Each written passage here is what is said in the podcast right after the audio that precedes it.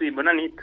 Eh, què li sembla la resposta del govern espanyol eh, a aquest informe mm, que, que ha arribat des de les Nacions Unides? Bueno, Naciones Unidas ha, ha ofrecido al gobierno español una ocasión eh, en oro para rectificar y, cumplir con el derecho internacional. Eh, Naciones Unidas ha pedido liberar inmediatamente a los presos políticos y el gobierno tenía un pretexto y la ocasión para, para cambiar de línea, ahora que tiene más fuerza también y legitimidad, y eh, rectificar y liberar a los presos. Eh, ha desaprovechado esta oportunidad, ha escogido la línea en vez de la línea de la razón, la línea de los músculos, la línea del miedo, uh, y ha decidido sacrificar su, su, credibilidad internacional para defensar la línea de la represión y para defensar el Tribunal uh, Supremo. Lo, lo, lamentamos, todavía uh, está en un tiempo para rectificar, para cumplir y para situarse entre las, las democracias del, del, mundo y cumplir las exigencias de, de, los derechos humanos, de los tratados que han firmado y liberar immediatamente a los presos. Eh, perquè com qualificaria algú que, com a resposta a un informe de les Nacions Unides,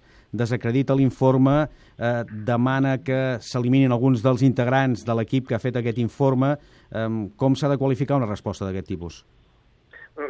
Primero es que los integrantes de este grupo son conocidos del gobierno desde hace años o por lo menos desde hace meses. Saben que se van a pronunciar sobre, sobre esa decisión. El hecho de que sea después de conocer el contenido de la decisión que, uh, que el gobierno uh, intente alegar argumentos muy débiles, además, uh, demuestra la, la, la, poca credibilidad de estos argumentos. Es como esperar el final de un partido y perder para quejarse del árbitro escogido. Es, es, un poco tarde y además los argumentos son muy débiles.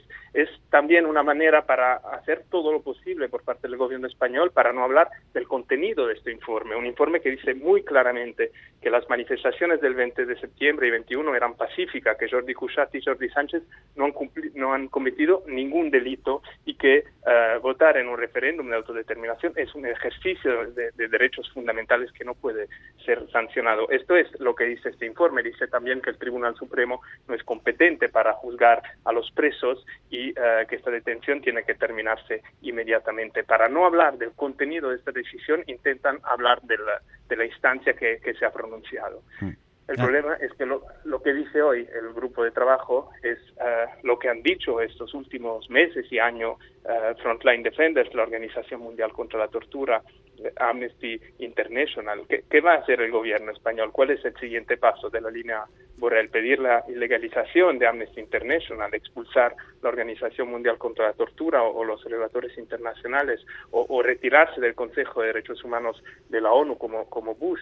Uh, no nos sorprendería, malauguratamente, pero esperamos que que rectifiquen y que, y que vuelvan a, a, sentarse entre los estados democràtics i respetuosos de los derechos fundamentales. Eh, senyor Peter, eh, el govern espanyol, en les seves al·legacions en contra d'aquest informe o en, el seu, en la seva voluntat de desacreditar l'informe, per entendre'ns, diu que hi ha un contacte, que hi ha un col·leguisme entre alguns dels membres d'aquest equip de treball de les Nacions Unides i els serveis de defensa de, dels presos.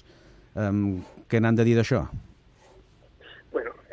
No, no, tengo conocimiento de, ningún contacto. Eh, el hecho de que Emerson hubiera sido relator eh, especial en, en, Naciones Unidas está conocido por toda la comunidad internacional, por los embajadores y por la abogacía de Estado desde hace mucho tiempo. Otra vez, el argumento que nos saca hoy el gobierno es un argumento de la desesperación de, es un argumento muy débil, con una cierta potencia mediática y, y, cierta fuerza que tienen, pero es el argumento de la desesperación de recibir una decisión que destruye completamente la línea de la acusación y la posición que ha ido defendiendo el gobierno desde hace 20 meses y por otro lado es un aval 100% a la línea de defensa de Jordi Cuixart, que es la defensa de los derechos humanos. Y, y otro punto sobre, sobre esto, si, si Borrell quiere hacerse hoy el, el campeón de, de la imparcialidad de las instancias judiciales, puede ahorrar el billete de avión para ir a Ginebra, puede quedarse en Madrid, donde hay una sala penal de un tribunal de excepción que tiene problemas muy graves de, de imparcialidad, como ha reconocido varias instancias internacionales y el Consejo de Europa. Y si Borrell quiere quiere rectificar la imparcialidad de, lo, de los tribunales, pues que, que se quede en Madrid y que vaya al Tribunal Supremo. Eh, per cert, l'estat espanyol, que ara critica aquest informe, altres cops ha donat credibilitat el grup en casos que ha afectat altres països. Recordem, per exemple, Irene Lozano demanant la llibertat d'un líder polític veneçolà en base a una resolució igual que, que aquesta.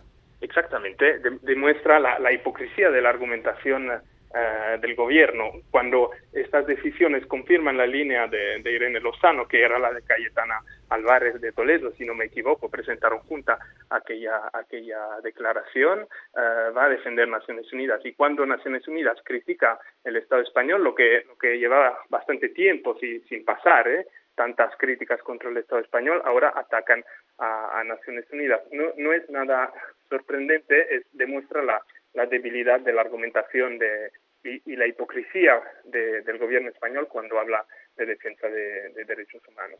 Por otro lado, podemos comparar la respuesta de Lozano criticando y de Borrell, que es del ministro Borrell criticando uh, la decisión y negándose a cumplir con la de Francia o de Polonia, que estos últimos años han recibido decisiones similares y poco tiempo después han liberado a las personas uh, como pidió el grupo de trabajo de detenciones arbitrarias. Mm. Ahora, sí. Escolti'm, eh, per aquells que no entenem molt o no en sabem gaire de com han de funcionar les coses, a partir d'ara com queda, com queda l'estat espanyol, què pot passar a partir d'ara quan algú li diu no eh, a les Nacions Unides, a un grup de treball de les Nacions Unides, d'una manera tan evident com, com ara, i a més a més, fins i tot demana recusació d'alguns dels seus membres. Això de quina manera pot afectar Espanya? Esto afecta seguramente la credibilidad del Estado español, afecta seguramente la imagen del Estado español a nivel internacional y, y, y demuestra la, la, poca importancia que le, que le, da a los derechos fundamentales. Uh, el procedimiento va a seguir, España tendrá que responder al grupo de trabajo y explicar cómo ha cumplido estas. Uh, estas exigencias y en particular la liberación de los presos. Tienen ocasión de hacerlo. Hemos pedido en la sala como defensa de Cuchat su liberación. El Tribunal Supremo tiene ocasión de cumplir lo que ha dicho y, y, de liberar lo que ha dicho el grupo de trabajo y liberar a los presos. Estamos a la espera de su decisión y esperamos que por una vez rectifiquen y cumplan con los derechos fundamentales. Si España decide entrar en el club de los estados que ignoran las resoluciones de la ONU, que eh, critican y decredibilizan la ONU para seguir vulnerando los derechos fundamentales, esto quizás a nivel interno puede tener una cierta utilidad para el gobierno de Sánchez, pero a nivel internacional le va a pasar una factura eh, muy importante. Eh, factura, entenem, de tipus d'imatge en relació als altres o pot arribar a tenir conseqüències d'algun tipus? Los, uh, los, uh, los tribunales internos tienen que cumplir con la, la, los derechos con el derecho internacional y con las decisiones de instancias internacionales. Entonces, lo primero es que el Tribunal Supremo y si no el Tribunal Constitucional tendrán que integrar en su razonamiento por qué no responder uh, a las alegaciones del grupo de trabajo de detenciones arbitrarias lo que no han hecho hasta ahora han hecho todo lo posible para obviar un razonamiento sobre derecho internacional y derechos fundamentales porque saben muy bien que si se aplica el derecho internacional el procedimiento tiene que terminar ya se tienen que liberar a los presos y a e indemnizarlos. Por otro lado, este caso, como vemos cómo están yendo el procedimiento a nivel interno y cuál es la posición de, de las jurisdicciones españolas, terminará seguramente en Estrasburgo y Estrasburgo eh, hará mucho caso a la, a la, resolución del grupo de trabajo de detenciones arbitrarias, hará mucho caso a lo que ha dicho Amnesty, a lo que ha dicho la Organización Mundial contra la Tortura, los relatores de Naciones Unidas. No tenemos ninguna duda de que Estrasburgo confirmará esta decisión y ya veremos cómo, el gobierno español uh, reaccionará, si también amenazará de, de salir del, del, Convenio Europeo de Derechos Humanos y del Consejo Europa. Ya veremos, pero uh, al día de hoy no, no nos sorprenderemos de, de, ninguna reacción, visto cómo están reaccionando uh, frente a la ONU. Eh, senyor Olivier Peter, moltíssimes gràcies per explicar-nos com veu aquesta reacció d'Espanya a l'informe d'aquest equip de treball de les Nacions Unides i a tot el que s'ha anat esdevenint després de l'aparició d'aquest informe. Moltíssimes gràcies i molt bona nit. Gràcies a vosaltres. Bona nit. Adéu.